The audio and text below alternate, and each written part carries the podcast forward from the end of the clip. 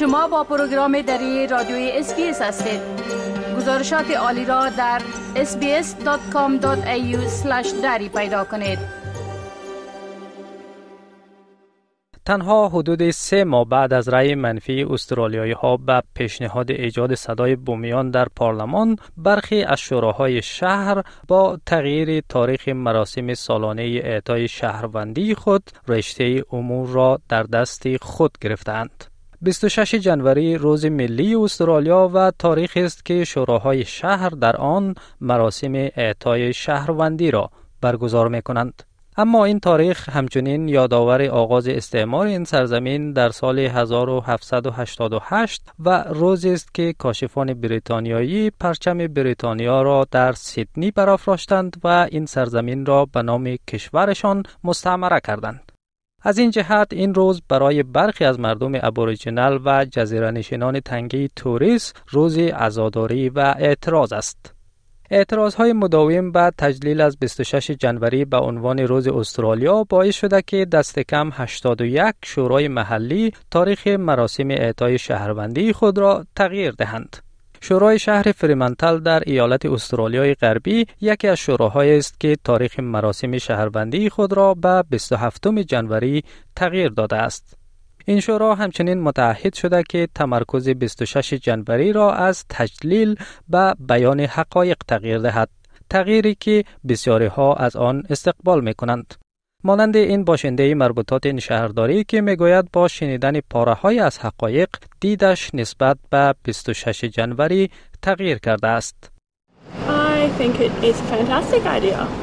Like, think myself, I would like to learn more about it.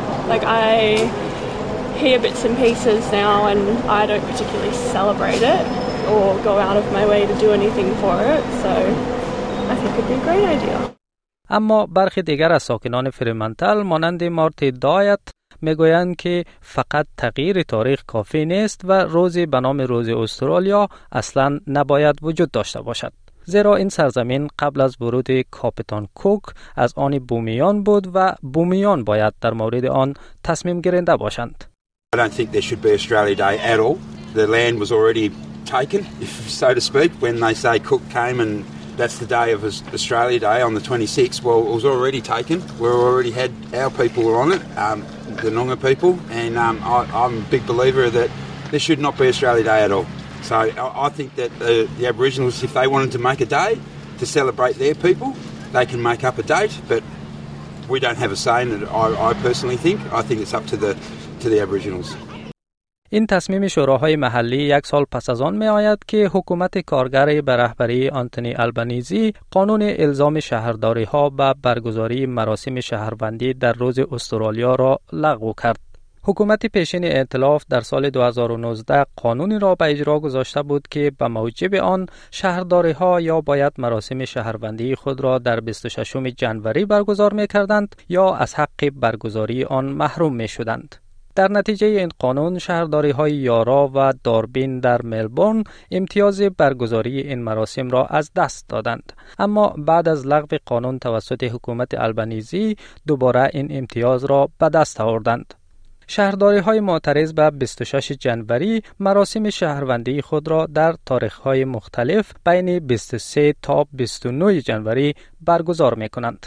همچنین در سالهای اخیر تقاضاها برای تغییر تاریخ روز استرالیا از 26 جنوری به یک روز دیگر رو به افزایش بودند. زیرا در نتیجه فعالیت های فعالان و سیاستمداران بومی سطح آگاهی عمومی در مورد پیامدهای این روز برای بومیان بالا رفته است. سال گذشته وقتی دولت ویکتوریا به سر و صدا برنامه های روز استرالیا را لغو کرد راهپیمایی اعتراضی سالانه به 26 جنوری جایگزین رژه های سالانه در این ایالت شد. اما با وجود افزایش حمایت ها از تغییر تاریخ روز استرالیا برخی از استرالیایی ها هنوز با این ایده مخالف هستند. مانند این مرد که می‌گوید بیان حقایق تاریخی جای خودش را دارد اما روز استرالیا نباید تغییر کند. I think truth telling has a, a legitimate place and, and, and it should happen, but I don't think it should interfere with Australia Day. Australia Day, as far as I'm concerned, is, is inclusive of everyone.